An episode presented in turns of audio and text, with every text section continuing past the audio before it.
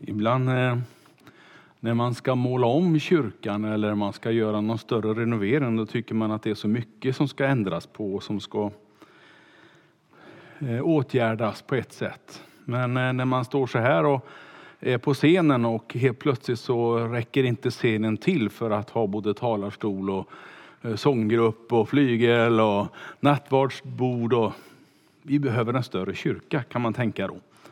Men det är en annan sak och det är en, ett annat forum vi diskuterar det i.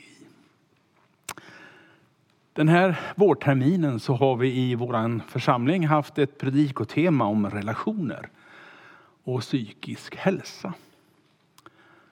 Och vi har suttit och funderat, jag och Caroline som är ungdomspastor här i församlingen, på eh, olika teman som man kan ta upp utifrån, utifrån det ämnet. Och eh, jag har nog aldrig predikat om bröder och systrar förut. Det måste jag nog erkänna. Men det här ska bli lite spännande för mig också att få göra faktiskt. För jag tror att när jag har sysslat med temat lite grann den här veckan och ämnet har eh, liksom dykt ner i Gamla testamentet och Nya testamentet och sett vad, vad kan jag hämta där. Så blir det lite spännande faktiskt. Det är en del karaktärer som finns i vår bibel som jag möter som bröder och systrar. Jag eh, tänkte när jag växte upp, det börjar bli ett tag sedan, jag vet, men ändå. Det här är 60-70-talet. Då var det mycket broder och syster i min hemförsamling. Det var så man nästan tilltalade varandra. Eh, det var syster si och syster så, det var broder den och det var broder den. Eh, och då tyckte jag ibland att det där lät lite skumt och konstigt. Men när jag har fått perspektiv på det så var det någonting vackert över det också. Det var en känsla av att alla var likadana. Det var någon broder som var VD på något fiskeriföretag nere i Göteborg. Det var en annan broder som eh, jobbade på Volvo och skruvade bilar. Någon syster var och städade hemma hos folk. Och någon annan syster var hemma med familj och barn. Det fanns en massa olika människor i församlingen som jag växte upp i. Men alla var de bröder och systrar. Och det var när jag ser tillbaka på det, en ganska skön plats. Där ingen var bättre än den andra.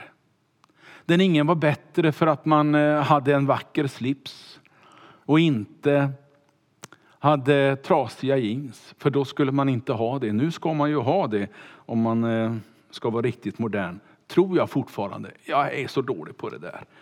Men då så hade vi en kille som hade det.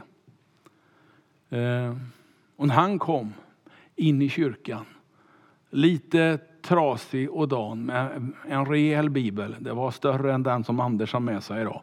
Eh, stolt knatade han fram längst fram på de första bänkarna där vi ungdomar satt på höger sida. Och så satt han så där och så njöt han av gudstjänsten. Och vi njöt av honom. För han hörde hemma, han var en broder. Han hörde hemma ibland oss. Även om han inte var uppvuxen i kyrkan, även om han inte klädde sig som alla andra, även om han inte var som alla andra, så var han en broder. Han var en utav oss, verkligen. Och det är väldigt gott att få ha den kulturen i en församling. Där ingen egentligen är eller ska vara mer än någon annan. Där pastorn inte är mer än någon annan i församlingen egentligen. Jag menar inte att ni ska inte ha respekt för er pastor, men det är en annan femma. Liksom. Det är inte riktigt samma sak. Och visst tänker jag på min egen syster. Hon eh, avled här i oktober 2019. Och vi var väldigt olika när vi växte upp. Syrran, hon eh, var mycket hemma och jag eh, vantridigt, nej det gjorde jag inte, men jag älskar att vara ute med kompisar. Regnade allt för galet ute, ja, då försökte jag få hem en kompis eller försökte åka hem till någon. För jag var jättedålig på att vara själv. Men vi växte upp i ett tryggt och kärleksfullt hem i mitt Kungälv. Så visst har vi olika referenser när man talar om bröder och systrar. Bara för att nämna några bibliska syskonpar så kan vi ju ta människa 3 och 4, om man nu får tro Bibelns uppräkning av människor. Så var ju Adam och Eva först och Kain och Abel som bröder eh, kom ju sen. Och vi vet ju hur det gick för, för dem. Det slutar med mord. Ett annat eh, brödrapar som också satte sin prägel på tillvaron var ju Isak och Ismael. Av dem levde två folk som fortfarande har svårt att riktigt dra jämnt i Mellanöstern. Den ena brodern blev fördriven, visade sig, av sina föräldrar. Bara för att ta ett exempel till. Jakob och Esau. Ja, Jakob betyder bedragaren och det, det var han ju också i stora delar av sitt liv. Men inte hela livet. Jakob bedrog sin bror på ett arv och på en välsignelse som deras far Isak skulle ge den äldsta brodern. Och han lurade till sig det och för det fick han sota i många år på flykt. Men till slut så verkar det som att de kom överens och möttes i fred och frid, även det brödraparet. Ja, varför inte ta Josef, sista personligheten i vår första Mosebok. Du vet, han med de många bröderna. Han som eh, var lite, tyckte de, kaxig. För han drömde så märkligt. Jag ska inte berätta den historien, men det innebär att han blir såld som slav på grund av brödernas oförmåga att eh, förstå vad han tänkte och tyckte och var med om. Sen fick han rädda sina bröder och sin far undan den stora hungersnöden som kom i Egypten och Israel.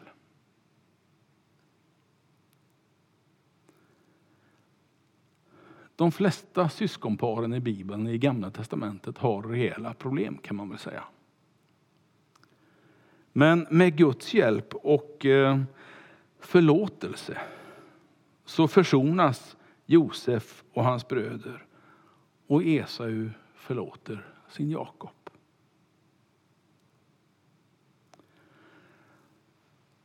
Fyra punkter har jag. Och jag ska dra dem ganska fort så du inte hinner att tröttna för, för mycket i alla fall. Jag kan ju inte garantera att du inte blir trött förresten. Men det är min, min intention att försöka hålla dig vid liv och vaken under min predikan. Det där med systrar och bröder, ja men då har vi ju syskonkärlek. Ja, alla vi som har levt i en relation med syskon. Vi vet ju att syskonkärlek, det är någonting väldigt fantastiskt. Helt otrolig skillnad på syskonkärlek och syskonkärlek.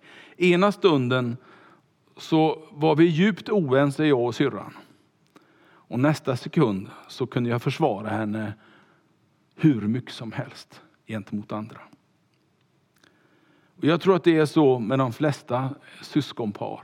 Att eh, det går lite olika. Ibland så går det jättebra och ibland så tjorvar det till sig riktigt ordentligt. Och man smäller i dörrar och man ropar till varandra och tycker att man är både dum och elak och allt möjligt. Det är alltså inte helt ovanligt när det gäller syskon. Du väljer ju inte dina syskon heller. Utan man har ju den syrran man har och henne har man förhoppningsvis hela livet. Man har ju den brorsa man har, eller hur?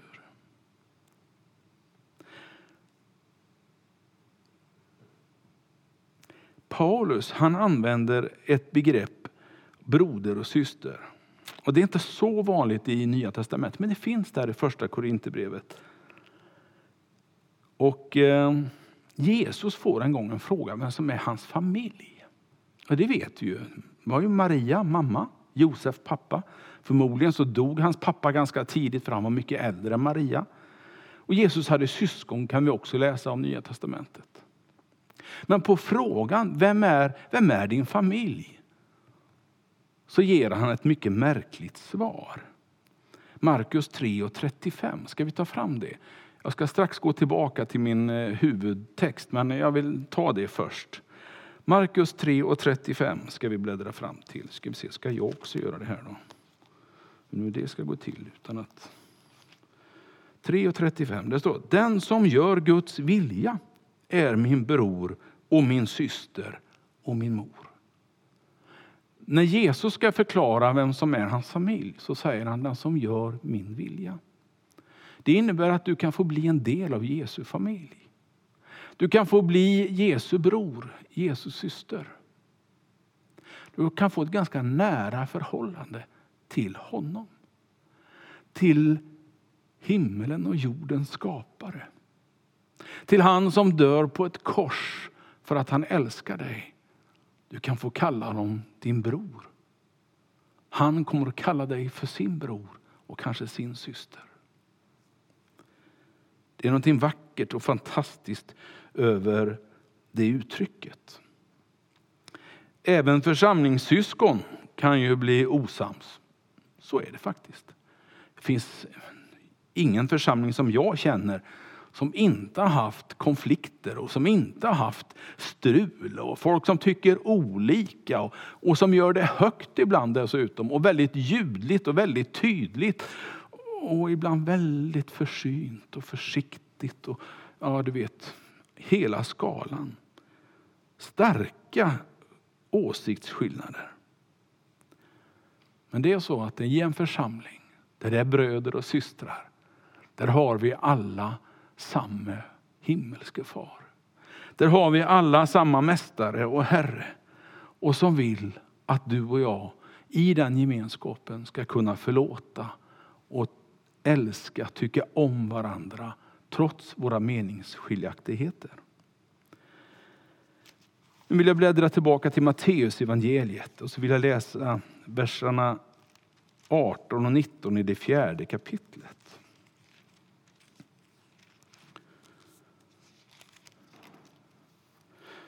Eh, Matteus 4. Och verserna 18 till 22 till och med tror jag att jag har bestämt från början. Ja, han nickar här nere som sköter om texterna för er hemma vid era tv-apparater. Så här står det. När Jesus vandrade längs Galileiska sjön så såg han två bröder, Simon som kallades Petrus och hans bror Andreas. De stod och kastade ut nät i sjön, för de var fiskare. Han sa till dem, kom och följ mig så ska jag göra er till människofiskare. Genast så lämnade de näten och följde honom. Och han gick vidare och såg två andra bröder, Jakob, Sebedeus son, och hans bror Johannes. De satt i båten med sin far Sebedeus och gjorde i ordning sina nät, och han kallade på dem. Och genast så lämnade de näten och båten och sin far och följde honom. Följde Jesus alltså. Så det finns, det finns också goda exempel på syskonpar som gör gott, som fattar rätt beslut. Jag hade några exempel i början där man inte alltid fattade så bra beslut. Faktiskt. Och kanske vi ändå ska flika in här med, med några av de första eh, paren i Bibeln, då, Kain och Abel. Den där berättelsen har irriterat mig en del ibland. Jag blir inte riktigt klok på den berättelsen kan jag, kan jag tycka. Därför att om jag försöker sätta mig in i Kain och Abel. Eh, det finns inte så jättemånga människor på vår jord tillsammans med dem. Och vad jag förstår så har ingen människa dött. De har ändå hört och förstått att de en gång har levt i ett paradis. Deras föräldrar Adam och Eva, ni vet det där med frukten de inte fick äta och synden som kom in i världen. Men jag tror inte att någon riktigt har förstått ännu vad döden är för någonting. Så när, när brödraparet ska göra som man upplevde att man har blivit lärd att göra med eh, det som man hade fått ifrån eh, jorden eller ifrån jorden med HJ. Den ene han var jordbrukare och den andra var, sysslade med, med uppfödning av djur. Så skulle man ta av det man hade fått och ge till Gud. Och den ena, han tog av jordens grödor och offrade det till Gud. Man lade det på en, en stenhäll och sen så eldade man upp det. Och så tänkte man sig att det steg upp en rök till himlen av tacksamhet där Gud fanns. Och jag kan se för mig hur, hur eh, det läggs på altarbordet tvättade i vatten, ganska enkelt men ändå. Och så kommer brorsan med ett slaktat djur. Han kanske är blodig, det kanske är kladdigt, det kanske är... Men han lägger det på offeraltaret han också. Och sen står det i den text som jag har i första Mosebok 4, som jag inte ska citera, men som det står där. Att Gud tog emot offret som var kött. Men inte riktigt gillade offret som var ifrån jordbruket. Och jag funderar på varför. Men svaret tror jag finns i Hebreerbrevet 11. Ska ni följa med mig dit? Det kommer, texten kommer så ni kan följa med på tvn. Hebreerbrevet 11 och 4. Det är det som kallas för trons kapitel och trons människor. Där eh, författaren räknar upp ett antal människor som han tycker hade tro på ett speciellt sätt. Och då kommer det i vers 4. Där står det så här. Genom tron bar Abel fram ett bättre offer åt Gud än Kain. Det var alltså inte i så fall skillnaden på om det var ett djur eller om det var, eller om det var eh, veget, vegetabiliska offer, frukter eller annat från jorden. Utan det var tron som bar den som offrade. Det var det Gud ville ha. Gud var inte ute efter att det skulle vara rent eller att det skulle vara blodigt i första hand. Han var inte ute efter något, utan han var ute efter att offret som gavs till honom skulle vara i tro. Och Det där lättade min tanke lite grann. Men vänta lite. Det jag har i mitt hjärta, i min själ, i mina förmågor, i det jag kan, för jag kan ju en del, det, det vill jag inte säga någonting annat för det vore bara dumt. Men jag kan inte allt. Men jag kan en del. Om jag vill ge det till Gud så är det ju fantastiskt bra. Men läser jag Hebreerbrevet så Gud tycker speciellt mycket om när jag ger det i tro på honom. När jag ger det för att jag älskar honom. När jag då ger vad jag har, då är det som att det går direkt in i hans hjärta. Men när jag ger det för att jag måste, eller den där pliktkänslan som ibland kan komma.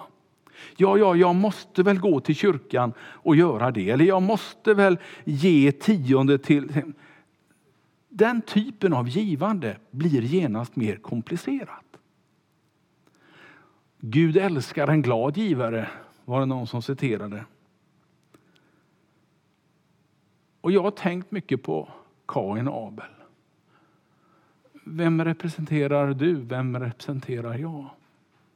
Jag vill gärna vara den som man säger trodde på Gud. Den som tror på Gud och därför ger till honom. Sen finns det ändå en idé, tror jag, med beskrivningen att eh, de ger det här offerdjuret. För det är faktiskt första gången i vår bibel där människan offrar till Gud ett djur. Där människan utgjuter blod. Och ja, Det här är kanske inte speciellt roligt att prata om en söndag men nu står det och då får jag väl ta det. Det förekommer ganska ofta sen. Det blir tydligare och tydligare. Och när vi kommer till Mose i Andra Moseboken, då, då ger han regler om hur det ska göras och var det ska göras. Och det blir en massa sådana här eh, tillfällen och beskrivningar. Sen när vi kommer till Nya Testamentet, då har det här pågått under många års tid och faktiskt pågår i templet i Jerusalem när Jesus lever. När han vandrar omkring på jorden så pågår det ett offrande som har sitt ursprung i berättelsen om Kain och Abel och Mose och hela den judiska historien. Och Jesus, när han dör på korset, så är det hans blod som vi ibland besjunger och som vi ibland känner är vår befrielse.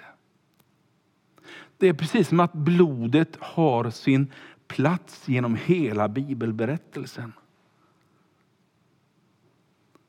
Och Det är därför att det kanske är det dyrbaraste man kan offra, ett liv.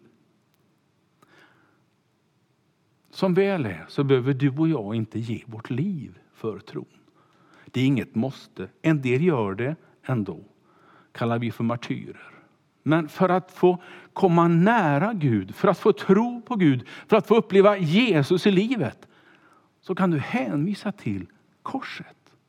Där han dog för dig och mig. Där hans blod göts och rann för att jag skulle få tro och få liv. En fantastisk fundering utifrån Kain och Abel. Ett annat syskonpar i eh, en syskonrelation i Nya Testamentet, det är ju Marta och Maria och Lazarus. Ja, men det finns, jag vet det finns fler, men jag kan ju inte ta upp alla, det går ju inte. Då har du ju somnat innan jag hinner till hälften. Lukas 10 så berättas det om systrarnas val. Vi ska inte slå upp det, vi ska inte läsa det, för det tar för lång tid. Men låt mig bara få påminna dig om om berättelsen när systrarna ska betjäna Jesus. Och den ena är ju förmodligen ute i köket och fixar och donar och tycker att den andra bara sitter där och inte gör någonting. Men gör något, liksom, hjälp mig. Nej, säger Jesus, du ska vara glad att hon har valt det goda i livet, eh, att lyssna på mig.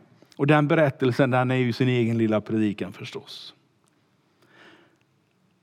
Det andra är Johannes 11, där eh, Lazarus dör när deras älskade bror dör.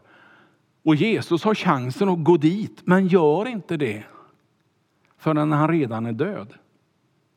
De skickar bud efter honom och säger kom Jesus för din, din broder Lazarus är sjuk. Nu var inte det Jesu riktiga bror, men de kallades för det. Men Jesus kommer inte förrän han är död. Det står att han varit död i fyra dagar och ligger i graven.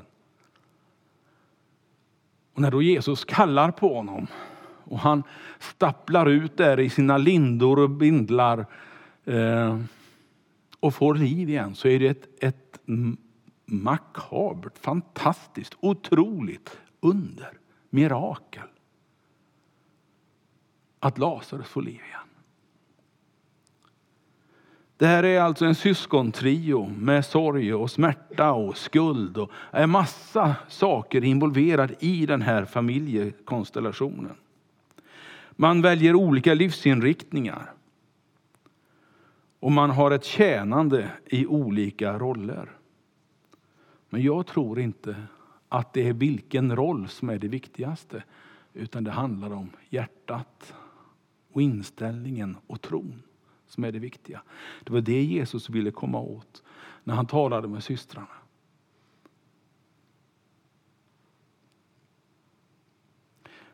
Låt mig också hinna med de här syskonparen som vi läste om, eller som finns i Matteus 4 och 18 som vi läste. Petrus och Andreas och Jakob och Johannes. Alltså, berättelserna i evangelierna om Jesus, de är ju bara så fyllda av vardag. Av det vanliga livet som bara pågår och är. Där är inte det viktiga det som händer i synagogorna. Det finns sådana berättelser också. Men det viktiga verkar vara det som är i vardagen. Och här sitter de, där den fantastiskt vackra sjön Genesaret. Jag har fått vara där några gånger och besöka landet och sjön. Varit ute på sjön i båtar och ätit den där som kallas för Petrusfisken. För Petrus han var verkligen fiskare. Han och hans bror var fiskare och Jakob och Johannes bror var fiskare. Och när Jesus möter dem den här förmiddagen, de har varit ute och fiskat och håller på med, kanske med näten eller vad de nu gör. Så möter han dem bara sådär rätt upp och ner och liksom fäster blicken på dem. Både Petrus och Andreas. Och så säger han, kom, följ mig. Så ska jag lära er att fiska människor. Jag ska lära er att fånga människor. Jag ska lära er hur man får människor att tro. Det är innehållet i det han säger egentligen. För det viktiga för Jesus, det var inte om det var en fiskare eller om det var en jordbrukare eller om det var en lärd i Jerusalems olika kvarter. Utan det viktiga var att människorna fick tro på honom. Att människorna hittade möjligheterna hos honom. Han som gav sitt liv för dem. Det var nog deras viktigaste beslut. Jakob och Johannes får ju samma fråga. Och Det är nästan så att i texten så undrar man, hände det bara så där? Genast lämnade de båten och sin far och följde honom, står det. Och jag har ibland funderat på vad hade hänt om jag hade sagt det till mamma och pappa när jag eh, skulle bli pastor som Eh, 19-åring hemma i Kungälv. Ja mamma, du, vi syns. Jag kommer hem om ett par år. Kanske. Hej. Nu sa de att jag redan hade flyttat till kyrkan och frågade om jag skulle ta med mig sängen också för de tyckte jag var där jämt. Men det är en annan, egentligen en annan story. Men de fick den här utmaningen. Kom och följ mig. Och de liksom svarar på utmaningen. De svarar på, på den möjligheten med ja visst, vi kommer. Och vad pappa Sebedaios sa, det står faktiskt inte. Om han bara satt med hakan nere vid bröstkorgen och undrade vad som hände. Eller om han sa ett amen i sitt hjärta. Ja, grabbarna vill följa Jesus. Fantastiskt. Jag har ingen aning. Det kanske är bra att det inte står. För jag tror att föräldrar kan reagera väldigt olika. Men att följa Jesus som de här två brödraparen gör. Det var en start det här. Det var i början av våra evangelier. Och sen följer en treårig gemenskap med Jesus. När han vandrar omkring och de här brödraparen och några stycken till, de blev väl tolv stycken som vi kallar för lärjungar, men det var nog fler som vandrade med Jesus. Det var både kvinnor och män som följde honom. Och som gjorde ett livsavgörande beslut. Gick in i ett lärjungaskap. Där man inte bara fattade ett beslut och sen så fick livet pågå som vanligt. Utan där också beslutet fick, fick liksom ge kraft, fick ge innehåll till det liv man levde. Det var ett livslångt beslut för brödraparen. Det var ett medvetet beslut. Och det tror jag är utmaningen för dig idag. Att fatta ett medvetet livsavgörande beslut. Ja, Jesus, jag vill tro på dig. Ja, Jesus, jag vill bli en av bröderna och systrarna i din gemenskap. Kanske du fattar beslutet om att gå in i en församlingsgemenskap och möta andra lärjungar eller bröder och systrar, vad vi nu vill kalla den gemenskapen. I så fall är du att gratulera om du fattar det beslutet idag. Till dig som har fattat det beslutet som ung för väldigt, väldigt, väldigt många år sedan. Du är att gratulera. Till dig som har fattat beslutet i år. Jag vill säga ett hjärtligt grattis till att fatta ett beslut som kan få en sån jättestor betydelse i ditt liv. Det viktiga så avslutningsvis är inte om du har många syskon i din familj. Jag tror att man kan få den där känslan även om man är ensam i sin familj.